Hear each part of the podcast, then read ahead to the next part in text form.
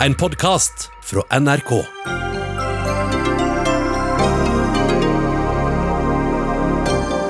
Nytt bredt kriseforlik på Stortinget, men alle partiene var ikke invitert med. Utrolig barnslig å utelate oss, kritiserer Rødt. Høy belastning på Nav, som har fått nesten 160 000 søknader om dagpenger på én uke. Det går mot den høyeste arbeidsledigheten siden 1930-tallet, ifølge økonom. Norge må gå i bresjen for å utsette OL, mener NRKs sportskommentator. Det vil ikke toppidrettssjef Tore Øvrebø. Han mener vi trenger OL som en oppmuntring i krisetider. Og nå må norske redaksjoner legge ut alle saker om korona gratis for alle. Hvordan skal mediene da tjene penger? Dette er eh, noen av sakene i Dagsnytt 18 i dag, hvor vi også skal diskutere nye retningslinjer for prioriteringer i helsevesenet. Jeg heter Sigrid Solund. Et bredt tverrpolitisk flertall på Stortinget ble i dag enige om flere økonomiske tiltak mot koronakrisen. Arbeidsgiveravgiften settes ned fire prosentpoeng i to måneder. Kommunene, Nav og helsevesenet skal få mer penger, blant annet. Hadia Tajik, finanspolitisk talsperson i Arbeiderpartiet. Det koster jo en del milliarder kroner dette her. Hva forventer dere å få igjen for disse investeringene? Altså, vi forventer jo at eh, bedrifter som driver på en eh, sunn og ordentlig måte, og som har eh, forutsetningene for å oh, Litt ekkel lyd her, vi prøver å fikse den.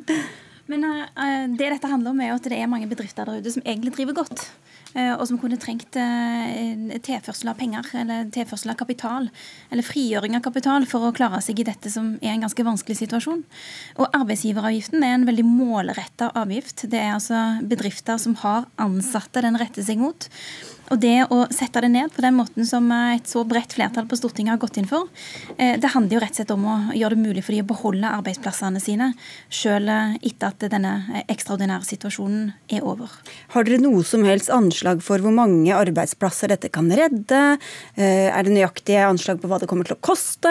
Hva vet dere egentlig om hva dere har, eh, har satt i gang her? Altså på arbeidsgiveravgiftssiden så koster det nesten 10 milliarder kroner. Akkurat anslaget på antallet bedrifter tror jeg er litt vanskeligere å svare på. Det treffer ganske bredt. Men det er òg noe av formålet nettopp fordi vi ser at eh, de helsefaglige rådene, eh, som vi jo selvfølgelig må følge, òg eh, får den konsekvens at det rammer ganske hardt veldig mange bedrifter i veldig mange bransjer landet over. Og Det er noe av grunnen til at vi så behovet for å ta i bruk et så kraftig virkemiddel som det å sette ned arbeidsgiveravgiften. Og så var det jo flere andre virkemidler her også, men Sylvi Listhaug, finanspolitisk talsperson i Fremskrittspartiet. Dere står her altså sammen med Arbeiderpartiet, sammen med SV. Er skillelinjene opphørt i norsk politikk nå? Jeg tror at nå er alle der at vi ser vi står oppe i en kjempekrise. De siste dagene så har altså over 100 000 personer blitt permittert eller arbeidsledige i Norge. Vi har ikke sett sånne tall verken under finanskrisen eller oljeprisfallet. Ikke til sammen engang. Og da er det eh, veldig viktig at vi finner gode løsninger som kan redde flest mulig bedrifter, og sørge for at vi redder flest mulig arbeidsplasser framover. Det er klart det blir dyrt nå, men det blir enda dyrere hvis vi skal eh, la være å gjøre det vi kan for å redde bedriftene. Og så er det veldig mange som nå jobber og står på midt under denne krisa de i Nav som nå står under formidable utfordringer. Dem skal vi snakke om litt senere i sendinga. Ja, mm. helsepersonell. Og Det er jo også noe jeg vil si som er veldig viktig med denne pakken. Det signalet til dem om at vi skal stille opp med penger. Det viktige nå er at dere gjør jobben og konsentrerer dere om det. Og vi støtter dere fullt ut, og så skal vi rydde opp det økonomiske etterpå. Og Det var som nevnt et bredt forlik som la fram dette, Tajik. Hvor viktig er det i en sånn situasjon? Altså Det er viktig å få det så bredt som mulig. og Heldigvis så er det sånn at på de aller aller fleste områder så står alle partiene på Stortinget sammen. Ikke minst det som Sylvi Listhaug er inne på, nemlig at kommunene våre og helsevesenet vårt og Nav, ikke minst, de som på mange måter utgjør førstelinjen i det å håndtere denne krisen, at de skal være sikra tilgang på de pengene de trenger for å gjøre jobben sin på en forsvarlig måte. Altså Det var bredt, men det var ikke alle som var med på denne pakka. For det var to partier som ikke engang var med på forhandlingene. Det gjaldt Miljøpartiet De Grønne og dere i Rødt, hvor du er leder, Bjørnar Moxnes. Hvorfor var ikke dere med? Eh, det vet jeg ikke helt. Eh, men det som var synd med det, var at det er noen grupper som vi ønsket og ønsker å kjempe for rundt det forhandlingsbordet. Ikke minst de som blir arbeidsløse, som ikke blir permittert, men som blir arbeidsløse fordi bedriftene går konkurs eller de får oppsigelse. Eh, på mandag så ble vi enige om å løfte dagpengene for de permitterte. Det var kjempeviktig, og det er viktig for de som nå er permittert. Men det som gjenstår er å løfte dagpengene også for de helt arbeidsløse. og Det hadde vi en klar plan om å, om å få med oss flertallet på. I hvert fall ønsket vi å, å kjempe for det. Eh, det ble dessverre eh, ikke noe av, og jeg håper at vi i et senere AFO-møte i Stortinget kan finne enighet rundt dette. For det handler også om at de som mister jobben, eh, får sparken, møter den samme krisa, de samme utgiftene, de samme problemene som alle andre som er på dagpenger. Og de bør ha samme utbetalinger som, som permitterte. Så jeg håper at vi i framtida blir invitert med på linje med andre partier, vi og MDG, så vi kan bidra. For jeg tror at vi også har noe å å komme med. Men, men du sier du ikke veit hvorfor dere ikke var med. Du må jo vite hvorfor dere ikke var med på forhandlingene eller ikke? Nei, Det har jeg ikke fått noe, noe, svar på. Vi etterlyste jo, eh, for alle vet at de reelle forhandlingene skjer jo mellom de formelle eh, komitémøtene. Eh, ting blir bare banka i komitémøtene, og så er det reelle forhandlinger imellom, imellom møtene. og Vi var jo med i de reelle forhandlinger hele søndag natt til mandag, både Rødt og MDG, og var med å dra forliket i en, i en, god retning. Men så var vi da ikke invitert eh, med, på tross av at vi vel etterlyste det i går. og Det syns jeg er underlig, men, men uh, gjort er gjort. Det viktige er at vi i framtida får bli med på lik linje, at vi kan, kan bidra til arbeidet i Stortinget, som er viktig nå i en mm. veldig vanskelig tid for folk i landet vårt. Men da, vi kan jo spørre deg, Tajik, Hvorfor skjedde mellom mandag og, og nå? Hvorfor ble ikke Rødt og MDG invitert med inn? Jeg har hatt kontakt med både Rødt og MDG jeg tror eh, nesten hver dag den siste tida. Og det er òg sånn at eh, på alt det som foregår av eh, formelle ting knytta til finanskomiteen, så har alle partier vært til stede. Alle partier har fått den samme informasjonen som har tilflytt finanskomiteen. Og så er det òg sånn når man ser på Men du er enig i at ting skjer også litt på bakrommet? Ja. På innstillingen til saken så ser vi òg at MDG og Rødt står sammen med de andre partiene på det aller, aller meste inkludert vedtakene. Og så er det sikkert sånn at det, eh, Hadde vi hatt enda bedre tid, så kunne vi blitt enige om enda flere ting. Men det er nå sånn at alle partier kan snakke med hverandre, og jeg har hatt kontakt med alle partier. Men så var det enighet på mye i dag, men ikke alt. Eh, for det var noe dere ikke fikk gjennomslag for, Tajik, og det var å legge inn en klar forutsetning om at eierne ikke skal få ta utbytte fra bedriftene som nå får krisehjelp. Dette diskuterte vi også tidligere i Dagsnytt 18. Hva syns du da om at Fremskrittspartiet og regjeringspartiene ikke var med å, å si at dette skulle med? Ja, Jeg skulle jo ønske at de hadde vært med på det. For nå er det jo tross alt snakk om milliardbeløp som man stiller til disposisjon for bedriftene rundt om i landet. Ikke minst så kommer det til å bli stilt til disposisjon enda mer fra fredager, for da kommer det til å være lånegarantier. Eh, altså Der man vet som bedrift at man har staten i ryggen på penger som blir stilt eh, til disposisjon. Og når man eh, får tatt i bruk så ekstraordinære virkemidler, så mener jo i hvert fall vi i Arbeiderpartiet at det ikke er grunn til å ha noe ekstraordinært utbytte. Så det burde man hatt spilleregler for. Man man burde sette grenser for det, man burde inngått avtaler om det. Og dette har altså høyrepartiene stemt ned. Og hvorfor gjorde dere det, Listhaug? Altså, det er ikke akseptabelt hvis eh, selskap som trenger krisehjelp, har utbyttefest til eh, egen fest og moro. Men det er ikke det som er situasjonen i landet nå. Vi ser at bedrift etter bedrift er i en situasjon der de ikke får inntekter, mens eh, utgiftene løper. Eh, og Da er det viktigste for oss framover nå å sikre at vi redder flest mulig bedrifter.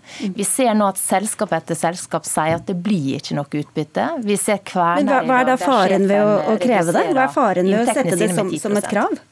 Fordi at Vi mener at det, dette ikke er nødvendig i den situasjonen landet nå er i. Vi tar for gitt at dette her er regler som, eh, som bedriftene forstår at eh, man ikke kommer til å akseptere. At man tar utbytte for deretter å få kriselån. Og det er jo sånn at Hvis du går i banken og spør om å få kriselån, så vil ikke du få det. Men det er vel motsatt, i motsatt rekkefølge det er eh, aktuelt?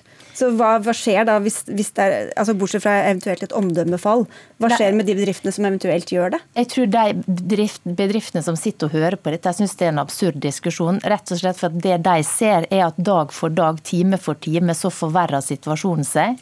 Og for de så handler dette her om å overleve eh, og ikke ha noe utbyttefest. Og det, det, si Derfor så mener jeg at dette her er et forslag som vi støtter intensjonen i. For mm. vi skal ikke ha noe utbyttefest, og det kommer ikke til å bli det.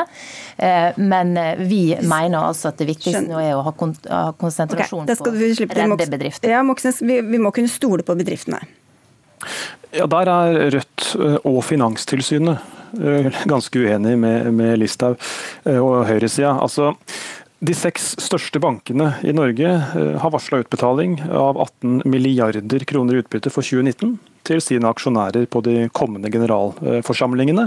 Dette er bakgrunnen for at Finanstilsynet eh, i et brev til norske banker fra 16.3 eh, i år advarer mot at det at vi nå ga en krisepakke til bankene, at vi senket kapitalkravene, kan gjøre at de altså tapper ut disse pengene til utbytte til aksjonærene. Så jeg tenker jo som så at hvis eh, Listhaug og Frp er enig i intensjonen, så er det jo ingenting skadelig med at Stortinget vedtar eh, et forbud mot utbytte for bedrifter som mottar eh, krisepakker. Ja, det var egentlig det jeg prøvde å spørre om, Listhaug. fordi hva, ja, En ting er jo at du tror at det ikke kommer til å skje, men hva i alle dager er faren ved å faktisk holdt på å si, kontraktsfeste det? Ja, Nå kommer jo forslag fra regjeringa i morgen, og da ser vi jo hvilke krav man setter der. Men, Men kommer det som krav? De, de signalene som er kommet om utbytte, har jo kommet før denne krisa her inntraff. Det som skjer nå, er at bedrift på hvor, hva hadde vært hva, ja, okay. for å overleve. Vi tror at det ikke kommer til å skje. Vi tror det. det. Men hva hadde vært faren ved å si at det er et krav? Fordi at Vi mener at eh, det eh, kravet nå eh, rett og slett kommer til å bli fulgt uansett. Vi forventer det. at Når staten stiller opp med kriselån til bedriftene våre, så kommer ikke de til å ha noe utbyttefest. Og vi Men hva hadde vært faren ved det? Nå, det som skjer nå, er jo at bedrift etter bedrift avlyser utbytter fordi at de trenger pengene i bedrifter for å overleve. Og Vi står også i en situasjon der vi kan miste tusenvis av bedrifter. Og da er jeg helt sikker på at det er ikke utbyttefest som står i hodet på de som eier disse bedriftene, det er rett og slett å overleve. Og sjøl familieeide bedrifter ja, Jeg tror ikke du svarer på det jeg spør om. Okay, det gjør jeg faktisk. ja, Tajik, du, tror du at, altså, Hva er sannsynligheten for at noen kommer til å ha det dere kaller utbyttefest etter å ha fått krisehjelp fra staten? Altså Utbyttefest er ikke et begrep jeg bruker, det er noe som Sylvi Listhaug bruker. Det som er eh, viktig her, er jo at man må jo ha en langsiktig plan. Altså Målet må jo være at vi oppnår en normalsituasjon i landet landet vårt på et tidspunkt. Eh, og jeg har spurt finansministeren rett ut. Er det sånn at når du liksom planlegger for disse statlige lånegarantiene, kriselånene som du kommer til å stille til disposisjon, har du da tenkt å, kreve skriftlige garantier eller forpliktelser fra de selskapene som får disse lånene, om at de ikke skal ta ut eh, ekstraordinære utbytter og berike seg selv på den måten? Og det korte svaret på det er nei, han har ikke tenkt å gjøre det. Og jeg bare mener at det er utrolig viktig at vi i denne situasjonen her ikke ender opp med å lage et system der man sosialiserer tap, og så privatiserer man gevinst. Altså et system der underskudd er noe fellesskapet skal bære, mens overskudd Dere snakker veldig ofte om tillit til samfunnet. Hvorfor kan mm. dere ikke ha tillit til bedriftene, sånn som dere skal ha tillit til alle andre dere snakker om? da? Hvis man skal ha tillit til at ting funker sånn som det skal, så må folk være trygge på at fellesskapets penger går til det det skal gå til. Og det er det disse forpliktelsene handler om. Altså Det er ikke bare én person sine penger eller staten sine penger. Dette er alle sine penger. Det er neste generasjon sine penger. Og, og da, da må man forplikte seg. Og deres parti for folk flest, hvorfor setter dere ikke da folk flest i sentrum her, Listhaug, og vi, garanterer dem at pengene deres ikke blir misbrukt? Vi gjør det fordi at vi sier det at vi aksepterer ikke den type utbytte, og vi tror heller ikke det vil bli situasjonen. For det vi nå skal bruke fellesskapets midler midler på, vi kommer til å bruke titalls milliard, kroner på det, det er å redde flest mulig bedrifter over denne kneika. Og Fremskrittspartiet har også sagt at vi er villige til, hvis det er spesielle selskap som kommer i en vanskelig situasjon som er viktig å beholde på norske hender, så er vi villige til å gå inn og sørge for at eh, vi greier å bevare dem, slik at ikke dette kjøpes eh, opp av utenlandsk kapital. For så å selge oss ut selvfølgelig etterpå. okay, så vi er villige til å gå veldig langt nå for å redde norske bedrifter, redde arbeidsplassene til de titusenvis, det er faktisk over 100 000 mennesker som nå er permittert okay, eller oppsagt. Det var vi innom. Helt på tampen, Moxnes. Ja. Ja, det, det, som er alvorlig med, med FrPs standpunkt og, og, det borgerlige, er jo at um, de menneskene som nå mister, mister jobben sin, Eh, blir permittert, som frykter for om de kan betale eh, ned på boliglånet neste måned. Eh, hvis de ser at, at, staten deler ut deres skattepenger, som vi jo gjør nå, i milliardklassen, og det er riktig, til selskaper uten at det stilles knallharde, tydelige krav om, om null utbytte, så vil det dramatisk svekke tilliten til Stortinget og tilliten til krisepakkene vi i fellesskap stiller opp med. fordi Folk vil jo bli mildt sagt rasende hvis det her skjer, og vi har altså ingen garanti for at ikke det stanses, med mindre Stortinget stiller tydelige strenge eh, og, og, klare krav til både bedrifter og banker som får disse pengene fra eh, fellesskapet. To, to ganger går veldig dårlig. Du skal første, vært de første til å være med og vedta. Det koster ingenting. Det er bare for sunn fornuft å vedta et slikt krav. Poenget mottatt. Du skal få svare veldig kort. Ja, og det at De fleste ansatte kjenner bedriftseierne sine, vet at det er hardtarbeidende mennesker som nå gjør det de kan for å redde bedriftene sine. De er ikke ute etter å flå staten, de er ute etter å overleve og sørge for at de har en jobb å komme tilbake til. Takk skal dere ha. Det blir nok mer prat om dette etter hvert som pakkene renner inn, så å si. Sylvi Listhaug fra Fremskrittspartiet, Hadia Tajik fra Arbeiderpartiet og Bjørnar Moxnes fra Rødt. Dagsnytt 18 alle hverdager kl 18.00 på NRK P2 og NRK2. Belastninga på norske sykehus eh, øker eh, støtt og stadig. I dag kom et nytt notat om eh, nye retningslinjer for hvem som skal prioriteres når det ikke lenger er personal, plass eller utstyr nok til å hjelpe alle som eh, trenger det, koronasmittede eller ei. En endelig versjon skal foreligge neste uke. Espen Nakstad, du er fungerende assisterende helsedirektør. Velkommen tilbake hit. Takk. Hvilke konkrete utslag kan dette notatet dere kom med i dag få å si for norske pasienter? Nei, dette er et utkast til, eh, til råd om prioritering av helsehjelp i Norge under koronakrisen. Eh, og Det er råd som er ment å gjelde i en situasjon der helsetjenesten opplever større pågang enn den har kapasitet til å håndtere. Eh, og Det skal sikre at det er likest mulig behandling mellom sykehus og kommuner i alle deler av landet. Og at små sykehus og store sykehus følger samme praksis. Så da gjelder det å ha konkret, mest mulig konkrete retningslinjer? Det er i hvert fall viktig å være omforent om hva man gjør hvis man får en større pågang av pasienter enn det man kan håndtere. Og det, og det grunnleggende prinsippet er jo da at man prioriterer akutthjelp, og at alt som kan vente, det får vente. Men vi hører fra Italia at livreddende behandling prioriteres til dem som er under 60 år pga. et allerede der da, overbelastet helsevesen. Hva slags kriterier ser dere for dere å operere etter? Alder har aldri vært et selvstendig kriterium i norsk helsetjeneste, eh, men det kan være et tilleggsmoment i visse tilfeller. De grunnleggende kriteriene i Norge, eh, som både gjelder tidligere og også nå ved koronavirus, det er at behandlingen skal nytte, det er det ene. Og så snakker vi om ressurskriteriet, det at tiltak de skal prioriteres høyt hvis det beslaglegger få ressurser. Og Det siste det er dette med alvorlighet, at alvorlig sykdom prioriteres før ikke-alvorlig sykdom. Det er de tre grunnleggende kriteriene. Men Hvorfor skal man ikke bruke alder som et kriterium? Nei, fordi alder i seg selv sier ingenting. Altså En, en veldig frisk 70-åring kan ha en bedre helse enn en syk 50-åring. Og Det er veldig store forskjeller på, i befolkningen på hvor frisk du er. Sånn at alder vil være et tilleggsmoment noen ganger, men det er ikke et grunnleggende kriterium. Eh, det er andre ting som, som, skal være dominerende, også i disse rådene som vi har utarbeidet nå.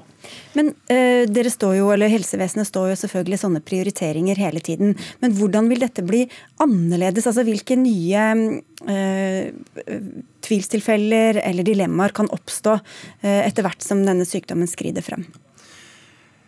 I bunn og grunn så er det ikke så veldig annerledes fra det som eh, man, seg, man, må forholde seg til i hverdagen i dag også. Det som er forskjellig, er at du kan få veldig mange pasienter, og hvor du da må vurdere også pasienter i litt yngre aldersklasse enn det man pleier. Ehm, vi kan få veldig mange syke som vanligvis ville vært behandlet eh, kanskje på sykehjem med samme tilstand, men som nå kommer på sykehus eh, fordi de har en litt, alder, litt yngre alder enn sykehjemsalder. Ehm, og da eh, blir det at vi må følge de samme prinsippene som ellers, også når det gjelder intensivbehandling. Ehm, og du kan si at Fordelen da med å ha et, et, noen kjøreregler å forholde seg til, det er at man sikrer at de små sykehusene, som kanskje ikke står i dette like stor grad til daglig, følger de samme prinsippene som de store sykehusene f.eks. Og at man er klar over eh, både i primærhelsetjenesten og spesialisthelsetjenesten at det er de samme rådene som gjelder. Anne-Lise Christensen, du er pasientombud i Oslo og Akershus. Ehm, hvordan ser du på dette notatet som er delt med offentligheten? Jeg har først sett på det nå etter pressekonferansen i ettermiddag, men jeg må si at jeg syns dette er veldig positivt. Eh, vi, er, vi, står foran en tid som vi ikke helt kjenner rekkevidden av ennå, men vi har jo allerede sett noen resultater.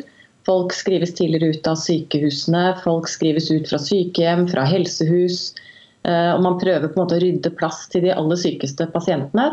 Og jeg tror det at det finnes generelle retningslinjer, det vil gi en større aksept for at man er nødt til å prioritere, og en større forståelse. Selv om det selvfølgelig vil være vondt både for pasienter, pårørende og for helsepersonell i den enkelte situasjonen.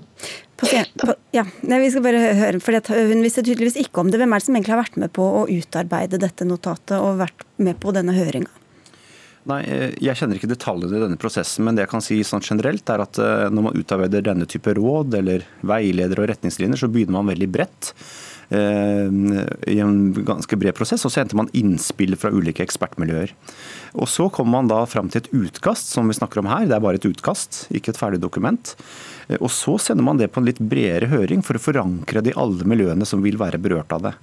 Og Det er en prosess som ikke er sluttført. sånn at eh, Vi snakker om et utkast, men de grunnleggende prinsippene for prioritering, de tre hovedprinsippene jeg nevnte, med nytte-, ressurs- og alvorlighetsprinsipper, det er det som ligger til grunn her. Du vil jo da måtte være ombud både for de som blir prioritert og ikke blir prioritert. Christensen, hvordan er det? Eh, det er jo en utfordrende situasjon, og, jeg tror kanskje at man ville hatt nytte av å diskutere mer med pasientorganisasjoner og pasient- og brukerombudene når man ser på disse tingene. Nettopp for å se hva som er viktig å legge inn for at man skal skape en større forståelse. Og jeg tror jo at eh, informasjon om eh, de, de prioriteringene man er nødt til å gjøre, kommunikasjon. Og jeg har lyst til å nevne en ting som jeg ikke har sett i det hele tatt, men som jeg tror er veldig viktig. Vi har etter hvert en stor del av befolkningen vår som ikke snakker godt norsk, og som vil komme til å trenge tolk. Og Som pasientombud så vet vi veldig godt at tolk kan det være vanskelig å få tak i. Eh, og det kan være vanskelig å få tak i tolk med tilstrekkelig kompetanse. Jeg håper at dette er en av de tingene som man ser på i sammenheng med de beslutningene som skal gjøres av helsepersonellet, sånn at vi sikrer en større forståelse for de beslutningene som tas. Ja, nei, det, Jeg det høres veldig fornuftig ut, det du sier her. Og, og, jeg tror det er viktig at vi får forankret det bredt. Og så må vi gi god informasjon til særlig de gruppene som, som, i første omgang vil bli rammet av dette. og Det er de som har planlagte operasjoner, og som på en måte får en lengre kø inn mot sykehuset, eh, men som ikke har behov for akutthjelp. Det er klart, Der er det mange eh, med kroniske sykdommer og andre helseplager som dessverre da eh, må settes litt på vent nå. Det så også ut til at man skulle vente eller slutte med sånne screeningundersøkelser. Betyr det at det er stans i mammografiundersøkelser, i livmorhalsprøver? Foreløpig så er det gjeldende prinsippet at man skal drifte hele helsetjenesten i Norge eh, så likt eh, det man pleier å gjøre som mulig. Eh, så er det noen utfordringer nå, og det er knyttet til karantene. At det er mye personell som rett og slett er hjemme.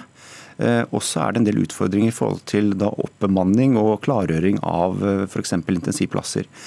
Så Det er de faktorene som nå gjør at det er en litt brems på dette ute i, helsetjenesten. Men hovedmålsettingen, eh, både før koronavirus og under en eh, koronavirusperiode, er at vi skal drifte helsetjenesten så likt det vi pleier å gjøre som overhodet mulig. Men så kan det jo da, som jeg nevnte i tallet, kan komme helt uforutsette situasjoner som, helt, hvor, som, gjør at denne diskusjonen her virker helt absurd. Så hvilke, eller Hvordan kan disse retningslinjene komme til å endre seg dersom situasjonen forverrer seg drastisk? Nei, Disse retningslinjene vil komme til anmeldelse ved situasjoner hvor man får større pågang enn det man har kapasitet til å håndtere. Så men da, sånn, det er jo hele tiden? Du kan si det er på en måte det hele tiden, men egentlig ikke heller. For vi tar imot all øyeblikkelig hjelp, og det vi kaller halvøyeblikkelig hjelp, til enhver tid i Helse-Norge. Og vi har ikke så veldig lange ventelister på ulike planlagte operasjoner, planlagt behandling. Men f.eks. poliklinisk oppfølging, det at du kan følges opp jevnlig av en spesialist på et sykehus, det er den type ting som nå da kanskje må utsettes litt, dessverre. Ok, Du skulle inn kjapt, Christensen. Jeg vil gjerne skyte inn at eh, Vi ser jo allerede at dette har begynt. At man har begynt å, å, justere ned på tilbudet, og at folk får mindre enn det de har fått tidligere. Og Det er jo veldig viktig at man er tydelig på dette, sånn at målet er likebehandling. Sånn at ikke den enkelte kan sitte igjen med en følelse av at uh, her var det bare jeg, mens andre får det et annet sted. Jeg tror det er veldig viktig at vi er veldig tydelige og ser hva som skjer ute i kommunene, og ser at folk allerede nå blir skrevet ut fra sykehus eller ikke kommer inn til elektive operasjoner.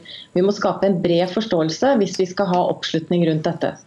Ja, og det akkurat det som er hovedformålet med, med dette utkastet, det er at alle sykehus og kommuner skal likebehandle pasienter i hele Norge. Og neste uke kommer altså hva skal vi si, de endelige inntil videre retningslinjene. Takk skal du ha for at du kom i dag eh, igjen, Espen Nakstad.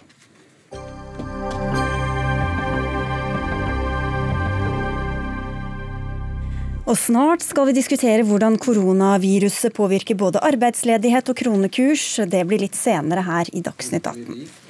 Mens skoler, universiteter, arbeidsplasser, butikker og barer stenges verden over, lever fortsatt planen om at OL skal gå som planlagt i sommer. Både Den internasjonale olympiske komité, IOC, med president Thomas Bach i spissen, og Norges idrettsforbund støtter så langt avgjørelsen om å jobbe videre med sommer-OL i Tokyo. Lekene er planlagt å starte den 24. juli med deltakere fra over 200 nasjoner. Og Tore Øvrebø, toppidrettssjef, du deltok i går på en telefonkonferanse med IOC-presidenten og de europeiske forbundene. Og Hva var deres budskap da? Nei, Budskapet er at de planlegger for å åpne på den datoen som har vært satt veldig lenge, som du nettopp sa, 24. juli. Og det støtter dere? Ja, vi støtter det i, ja, vi støtter det. Og alle de europeiske olympiske komiteene støttet den planen. Og Den planen går jo ut på at man skal eh, sørge for at man har alt av informasjon som er mulig å ha når man tar den endelige avgjørelsen. Og Den kan jo gå i mange retninger, den. Enten at man starter som planlagt, eller det utsettes, eller det, eller det avlyses. Og Det ligger jo åpent ennå, men vi, de ønsker ikke å ta beslutningen før de har et veldig godt grunnlag for det. Og de er veldig godt forberedt. Altså, de har jo en task force som vurderer denne situasjonen fra, eh, nærmest fra time til time. og Der har de med seg det er bredt sammensatt av eh, masse forskjellige myndigheter. Og så er Verdens helseorganisasjon representert i den taskforcen. Så de har alltid siste oppdaterte nyheter på situasjonen. Men mens alt annet stenger ned og alt annet avlyses, hvorfor skal akkurat OL forberedes da til å gå som planlagt? OL er jo en eh, idrettskonkurranse og et stort spetakkel for verdenssamfunnet, og er veldig populært. Så da ønsker man å, å, gjennomføre det som planlagt. fordi at uh, hvis det ikke er noen spesielt gode grunner til at det ikke skal skje, så er det fint at det skjer. Jan Peder Saltvedt, sportskommentator i NRK, hva syns du om denne innstillinga? På en god dag så høres det naivt ut. For ut fra det du sier, så skal jo da smittesituasjonen i verden være sånn at man skal kunne fly. Bare det er jo en utfordring. Eh, deltakere, ledsagere, alt er støtteapparat fra media. Fra 200 nasjoner rundt i verden til Japan for å bo i en deltakerlandsby, for å skulle ut på 33 forskjellige arenaer bare i Tokyo. Eh, de skal drive med øvelser som nødvendigvis medfører en masse nærkontakt. Og ja, det, det, høres merkelig ut. Jeg skjønner ikke heller hvorfor denne støtten til IOC, som norsk idrett eh, har eh, understreket i dag, er så viktig for dere, at dere ikke kan gå ut og altså med Ditt ansvar er jo for utøverne dine, og der er jo allerede uttrykt ganske klare problemer med å få trent optimalt for det som skal være høydepunktet kanskje i hele livet, eller i hvert fall i toppidrettslivet for mange av dem.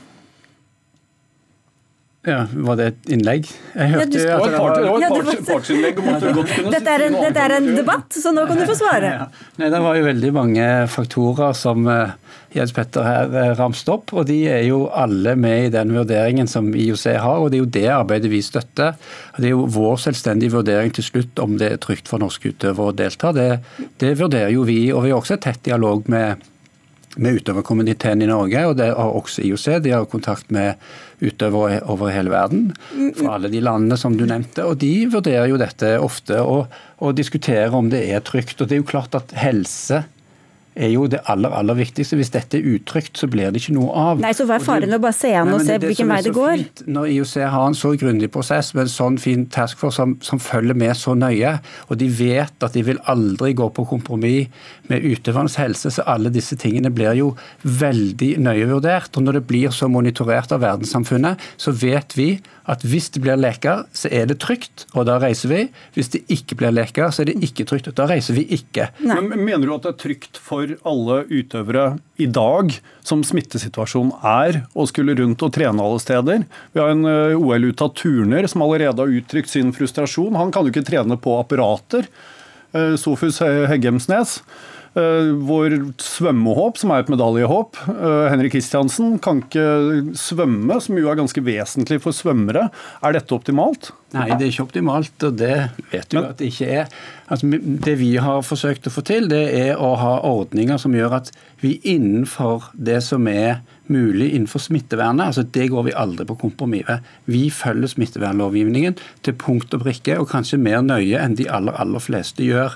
Og Det oppfordrer vi utøverne til å holde dette i gang. Dette er yrket deres toppidrett er ferskvare. De kan ikke bare sitte stille i fire måneder og tro at de er klar til konkurransene som kommer enten i OL eller etter OL. De er nødt til å holde det i gang, og da er de nødt til å finne løsninger, sånn som alle andre arbeidstakere. Men, men, hvordan skal man gjøre dette det når alt stenges ned? Dette er jobben deres. De må jo finne løsninger for å få trent best mulig. Men Hva er du redd for, Saltvedt, at det skal bli dårlige prestasjoner i OL, eller? Altså, OL skal jo være et sted man skal kunne komme best mulig forberedt. Det er jo ingen som er uenig i det. Men jeg skjønner ikke hvordan du som toppidrettssjef tror at et eh, håndballag skal komme best mulig forberedt når det skal eh, være de restriksjonene det er bare på bevegelse nå. Eh, det kan være snakk om flere måneder uten optimal trening for flere av disse. Så hvorfor ikke utsette til, til situasjonen har roa seg, og man vet at man kan trene og ha det mer sikkert enn det det ligger an til nå? Den vurderingen vil jo da bli foretatt av IOC i samråd med denne taskforcen sin og de internasjonale helsemyndighetene. Men føler du at dine utøvere får forberedt seg godt nok sånn som det er nå? Nei, men De blir forberedt seg så godt som de lar seg gjøre under disse omstendighetene. og Sånn er det alltid. Man forbereder seg så godt man kan under de omstendighetene som gjelder. Nå er det ganske krevende i forhold til bevegelse og, og at man må ha stor avstand mellom, eh, mellom, hverandre og ikke smitte hverandre. For det er første bud. Du skal ikke bidra til smittespredning, og du skal sørge for ikke å bli smitta sjøl. Hva, hva, hva, er poenget med et OL hvor man ikke kan, eh, ikke kan gjøre sporten, utøve sporten på en ordentlig måte? Da blir det ikke noe av OL. Hvis det ikke går an å gjennomføre OL, så blir det ikke noe. Og Det er derfor vi sitter såpass rolig i båten som vi gjør, fordi det blir veldig nøye vurdert. Helseaspektet er med hele tiden. Blir det leker, så er det trygt. Blir det ikke leker, så er det utrygt. Og da drar vi jo ikke, og da blir ikke de arrangert. Så det er veldig enkelt for oss å forholde til. Vi er vant med å jobbe i usikkerhet. Vi forholder oss til de tingene vi faktisk kan gjøre noe med. Og så får vi beskjed om ting er OK eller ei. Så har vi samtidig full informasjon. Vi har de beste på laget til å gjøre disse vurderingene. Og vi har god kontakt med helsemyndigheter både nasjonalt, vi har god kontakt med utøverne, vi har god kontakt med IOC og Verdens helseorganisasjon, altså verdens helsemyndigheter de regulere hva som er OK og hva som ikke er OK. Så Hva er faren ved å vente og se, Saltef, selv om ikke det blir altså, optimalt? Altså det, det blir jo, du sa i sted at samtlige nasjoner var enig i dette. Eh, lederen for den spanske olympiske komité, Alejandro Blanco, heter vel han, gikk ut i går og sa at dette må utsettes, dette blir ikke rettferdig.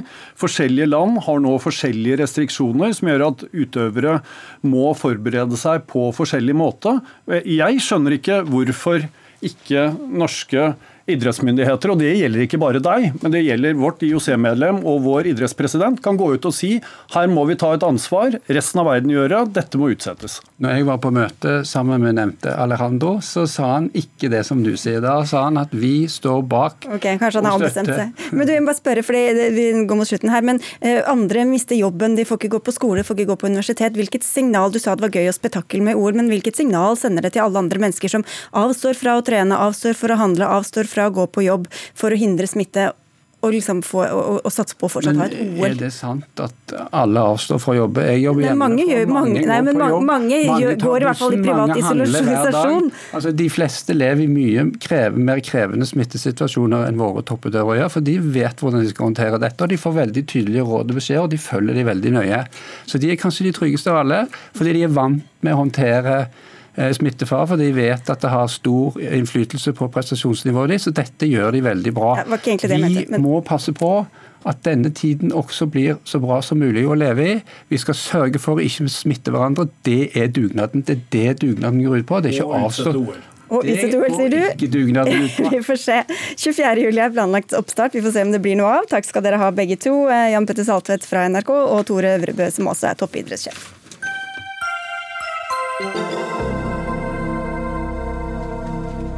Den norske krona blir eh, mindre og mindre verdt. Mens dollaren lå på i underkant av 12 kroner i formiddag, passerte euroen 13 kroner. Etter at Norges Bank annonserte at den vurderte, vurderer ekstraordinære grep, hentet krona seg litt inn igjen i dag. Men Harald Magnus Andreassen, du er sjeføkonom ved Sparebank1 Markets. Hvorfor falt den så voldsomt i utgangspunktet? Det tror jeg det er få som har en god forklaring på. Det var ikke noe spesielt som skjedde i de andre markeder. Eh, det var ikke noe med oljeprisen da det skjedde, det var ikke noe med aksjemarkedene, det var ikke noe med andre valutakurser som vi har pleid å følge veldig tett. Så jeg tror det var et uh, likviditetsproblem. Det var en aktør som måtte selge og fant ingen som ville kjøpe. Og prisen ble måte, helt feil på veldig kort tid. Ja, Cecilie Langenbecker, økonomikommentator i NRK. Jo, norsk økonomi er jo vanligvis god og forutsigbar og stabil. Vi har en sterk stat og lav arbeidsledighet. Så hvorfor går dette så hardt utover akkurat krone? Ja, og dette, det, er, det er morsomt, fordi det, dette har jo økonomene prøvd å finne ut av i veldig lang tid, før denne koronakrisen. Man snakket om det store kronemysteriet. Eh, hvorfor er det sånn at kronen er så svak når det er da eh, stadig vekk gode nøkkeltall, eh, vi har lav arbeidsledighet, det går godt i norsk økonomi. Altså før alt dette med denne koronakrisen. Og da er det jo to, eller en primær forklaring som har blitt brukt hele veien, som, det er jo denne uroen som har vært i markedet. I hele høst så var vi preget av denne handelskrigen mellom USA og Kina. Når det er mye uro i markedet, så vil ikke da eh, markedsaktørene eie norske kroner. De vil heller da være i trygge havner som euro og dollar. Og nå eh, som denne koronakrisen kom, så ble det enda mer uro i markedet. Så fikk vi et kraftig oljeprisfallet på toppen, som jo også da har bidratt eh, negativt. Men det er jo som Harald Magnus Andreassen sier, det er, eh, det er ikke så lett eh, å finne ut av akkurat hva det er som har skjedd. Men vi snakka med deg før sending, og da sa du at dette er veldig dramatisk, som norske, en dramatisk situasjon som norske familier kommer til å merke. Men hvorfor det, så lenge vi ikke skal ut og reise og ikke drive med storstilt handel med utlandet f.eks.? Ja, jeg, jeg, tror kanskje at, at jeg, jeg tenkte jo først og fremst på at, eh, at, alt som skjer med norske arbeidsplasser og det som foregår i, i, forhold til alle begrensningene nå, at det er veldig dramatisk, og det merker vi jo alle sammen. Men det er klart vi kommer også til å merke dette i form av at varene i butikkene kommer til å bli dyrere.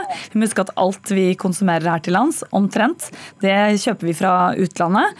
Alt det kommer til å bli dyrere, og kjøpekraften vår, altså det vi får ut av hver eneste krone vi tjener, kommer til å bli svakere. Mm. Andreasen, kan dette være godt nytt for norske produsenter? At vi da vil velge å kjøpe norsk i stedet for å handle fra utlandet? Ja, bare først til det med kronekursutviklingen. Eh, det jeg kommenterte, det var det som skjedde i løpet av natten, hvor kronekursen falt brått uten at noe annet hadde skjedd. Det er ikke så vanskelig å finne forklaringer på hva som har skjedd med kronen tidligere. Eh, først hadde vi store oljeprisfallet fra 2013 til 2014 til 2016, som svekker kronekursen. Så har vi hatt at både kronen og andre valutaer som, hvor de selger olje og gass, altså fossilt drivstoff, har blitt upopulære på samme måte som oljeselskapene har blitt det. Slik at kronekursen har blitt mye svakere enn den pleier å være i forhold til oljeprisen. Investorene tror ikke at oljealder varer så lenge, sannsynligvis. Mm. Og så har vi fulgt ganske nøye med eh, kursutviklingen til australske dollar, og det gir det kompletterer bildet. Så har det vært en ekstra nedtur nå under eh, koronakrisen, men det kan vi assosiere og koble sammen med at oljeprisen har falt videre. Og det fallet vi har hatt i kronekursen isolert sett i forhold til oljeprisen, ja, det er grunnen helt normalt. Mm. Men det som har vært helt utafor, det er det som skjedde i natt, hvor kronekursen sprakk med veldig prosent. Mm. Og så til hva dette er, om det er bra. Eh, jeg tror at Det vi har sett i det aller siste, har vært, er uheldig. Å få sånn ustabilitet i valutamarkedet det øker troen på at det er en dyp krise på gang, f.eks. Det, det, trenger vi ikke nå i dag. Eh, på den annen side er en svak kronekurs bra for mange norske bedrifter, som får lettere for å eksportere til utlandet. Nå er nok ikke konkurranseevnen i dag noe problem, iallfall som kronekursen var tidligere i dag. Det må sies Den har svingt, den har styrket seg nesten 10 vel i løpet av dagen. Mm. Så den er ikke riktig så svak som den var. Men, men, men, men, men det, er, det, er, bra for bedriftene at de har en konkurranseevne som vi aldri før i historien har sett. Når vi justerer for norske lønninger og valutakursen, så er norsk arbeidskraft blitt billig. Og jeg tror egentlig billigere enn det landet trenger. Vi har et stort oljefond, og vi kan finansiere mye av vår import ved avkastning fra oljefondet. Og da trenger vi ikke så mye eksport. Og når da kostnadsnivået er lavere enn noen gang, så tror jeg det er at om valutamarkedet har overdrevet eh, kall det, kall det vurdering av svakheten i norsk økonomi. Men til, til virkemidlene, mm, Becker. Norges Bank vurderer å starte storstilt oppkjøp av krona altså for å demme opp for dette fallet. Hva kan veie for eller imot det? Ja, og Det er jo interessant at eh, sentralbanksjefen altså 12. februar, tror jeg det var, i et intervju med NRK sa at dette var ikke noe han vurderte. Eh, og Det var jo da en helt annen tid enn eh, vi har nå. Og nå da de, kommer de ut med i dag at de vurderer å støttekjøpe norske kroner. altså at De vil gå inn i valutamarkedet. og Det har de ikke gjort siden slutten av 90-tallet. Så det, det, begynner å bli en liten stund siden. Og Norges Bank mener jo åpenbart at dette er, er viktig å gjøre gjøre. Og det som er viktig nå for Norges Bank, kanskje enda mer enn at de skal eh, styrke kronen så mye, det er å prøve å få vekk all den ustabiliteten i valutamarkedet. Skape stabilitet i da et ustabilt eh, marked. Men det er jo klart, dette vil jo tære på valutareservene våre. Vi vet jo ikke hvor god effekt dette kommer til å få. og Det er kanskje det som eventuelt da taler imot. At, eh, at det hand, altså, her handler det om å ha nok penger til å på en måte stå imot de store strømningene som er der. Det er det som avgjør og hvor god effekt dette vil ha. Så Det er jo, det er jo tiltak som, eh, ja, som man vet rett og slett ikke hvor effektivt det er. Og man har blandede erfaringer med eh, hvor, eh, hvor bra det har fungert. Hvilke andre tiltak og virkemidler har vi da, hvis man skulle ønske å styrke krona ytterligere, Andresen? Nei, det er ikke så mange virkemidler som jeg tror som er mulig for, for norske myndigheter. Jeg tror intervensjoner eller trusler om intervensjoner, altså at man går inn og støttekjøper kroner, det kan være fornuftig med å ha slike ekstreme utslag som vi hadde i natt. Uh, det skaper et, et, marked som ikke er ordnet og som ikke fungerer til hensikten. Men uh, vi kan ikke gjøre stort med det store fallet i kronekursen, som er drevet av faktorer det kan være andre enn de jeg nevnte også, men som er drevet av forhold som ikke Norges Bank kan motsette seg. Og i alle fall er det helt utenkelig at vi nå skal sette opp renten for å forsvare kronekursen. Eh, jeg tror Norges Bank kommer til å kutte. Jeg er forundret over at ikke banken har kuttet videre etter det første kuttet sist fredag.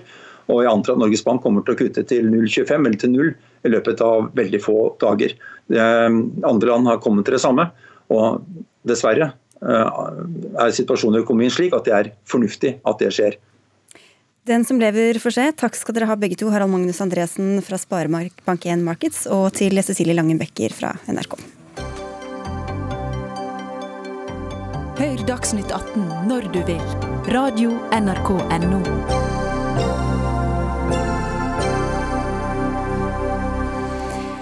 154 000. Så mange søknader om dagpenger har Nav fått på én uke. De fleste av dem gjelder permitteringer i forbindelse med covid-19-viruset.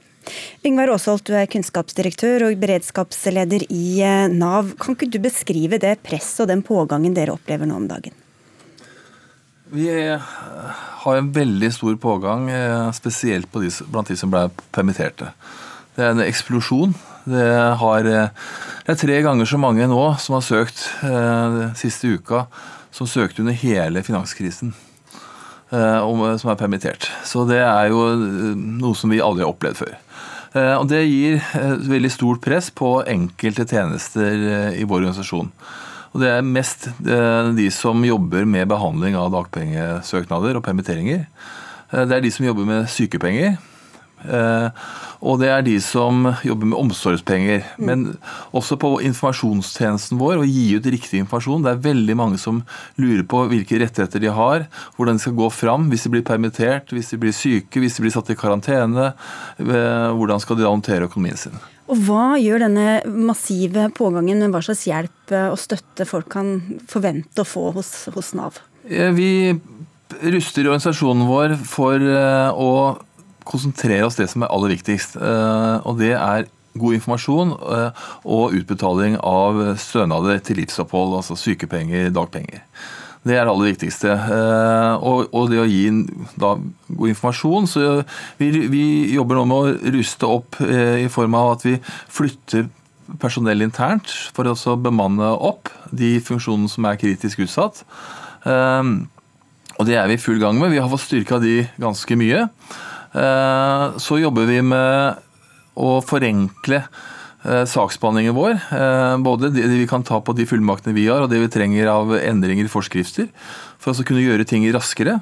Eh, og så eh, ser vi på IT-systemene våre, om, kan, eh, om, de kan understøtte at vi kan behandle saker raskere. For det som er helt sikkert, er at det som skjer nå, vil bety at utbetalingstiden eller saksbehandlingstiden på de viktigste stønadene, som dagpenger, vil gå opp. Og vi må gjøre alt vi kan for å sørge for at den blir så kort som mulig.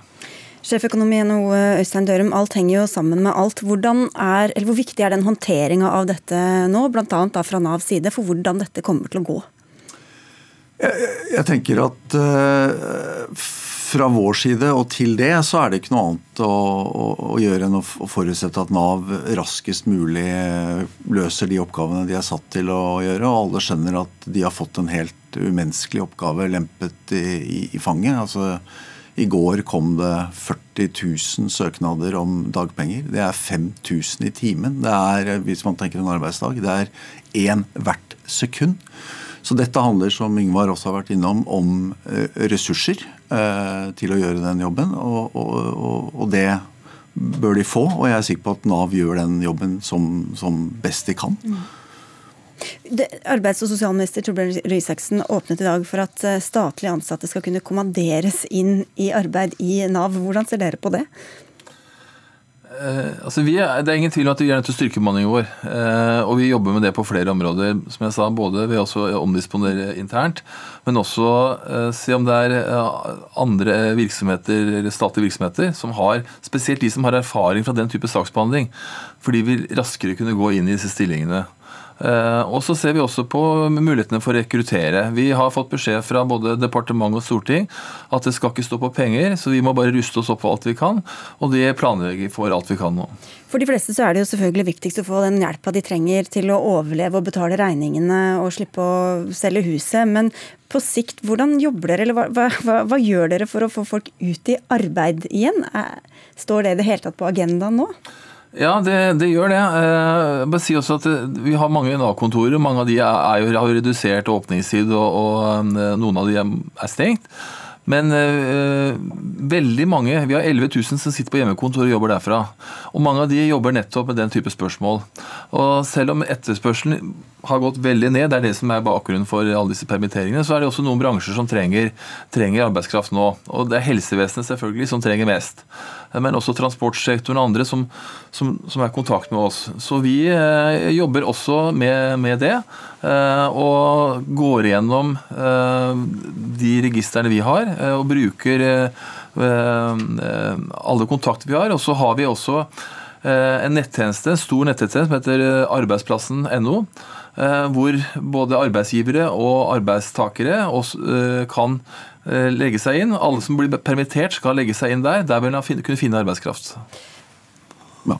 Jeg har også tenkt å slå et slag for arbeidsplassen.no, altså bruke de digitale verktøyene vi har.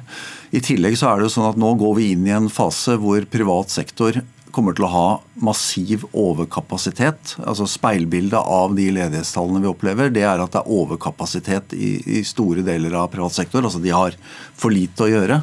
Deler av offentlig sektor som vi er innom, helsevesenet bl.a., kommer til å få for mye å gjøre. Og de kommer i tillegg til å mangle personell. Og der er det viktig at offentlig sektor kjenner sin besøkelsestid og tar kontakt med den bedriften rett over gata, som kan enten hjelpe dem å gjøre noen oppgaver de ellers ikke ville klare, eller levere den arbeidskraften de trenger der og da. Men er det så smidig? Fungerer det på den måten? Så smidig er det ikke, er det ikke alltid, men hvis man, hvis man, tenker at det er det noen tider hvor vi skal, eh, hva skal vi si, la en del prinsipper eh, ligge, og forsøke å tenke at nå er det viktigst én Viktigst å selvfølgelig hindre smitten. Eh, nest viktigst holde hjulene i gang. Sørge for at flest mulig bedrifter overlever, at flest mulig hender er i arbeid. Så eh, slik man nå har sett at på mange mange områder så har vi fått regler som avviker mye fra det vi er vant med, som en, som en unntakstilstand så må vi kanskje også på andre områder se for oss at vi skal ha eh, regler som reflekterer at vi er i en unntakstilstand. Er det også en fare for at folk kan bli utnytta i en sånn situasjon? At det oppstår kanskje et svart marked for arbeidskraft, som ikke vi har vært kjent med til i en sånn grad i dag?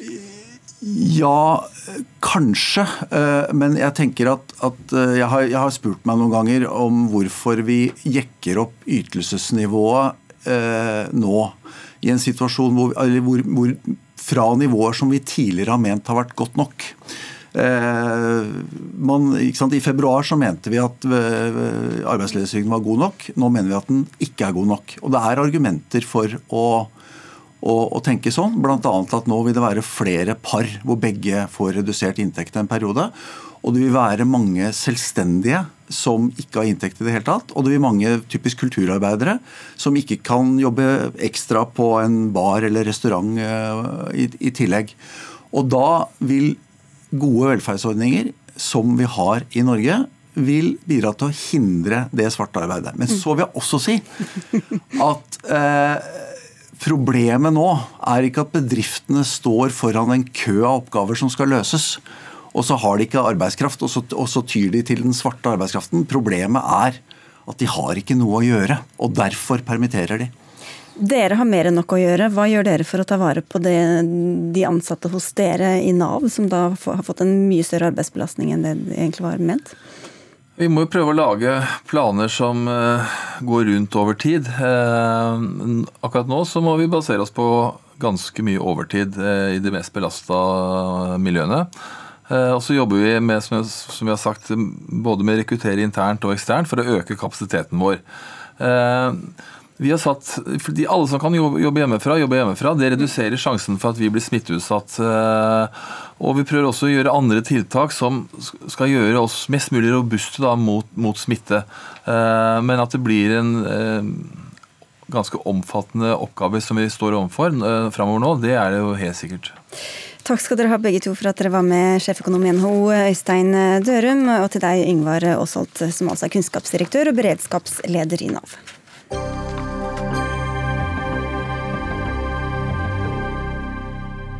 Du har hørt en podkast fra NRK. Hør flere podkaster og din favorittkanal i appen NRK Radio.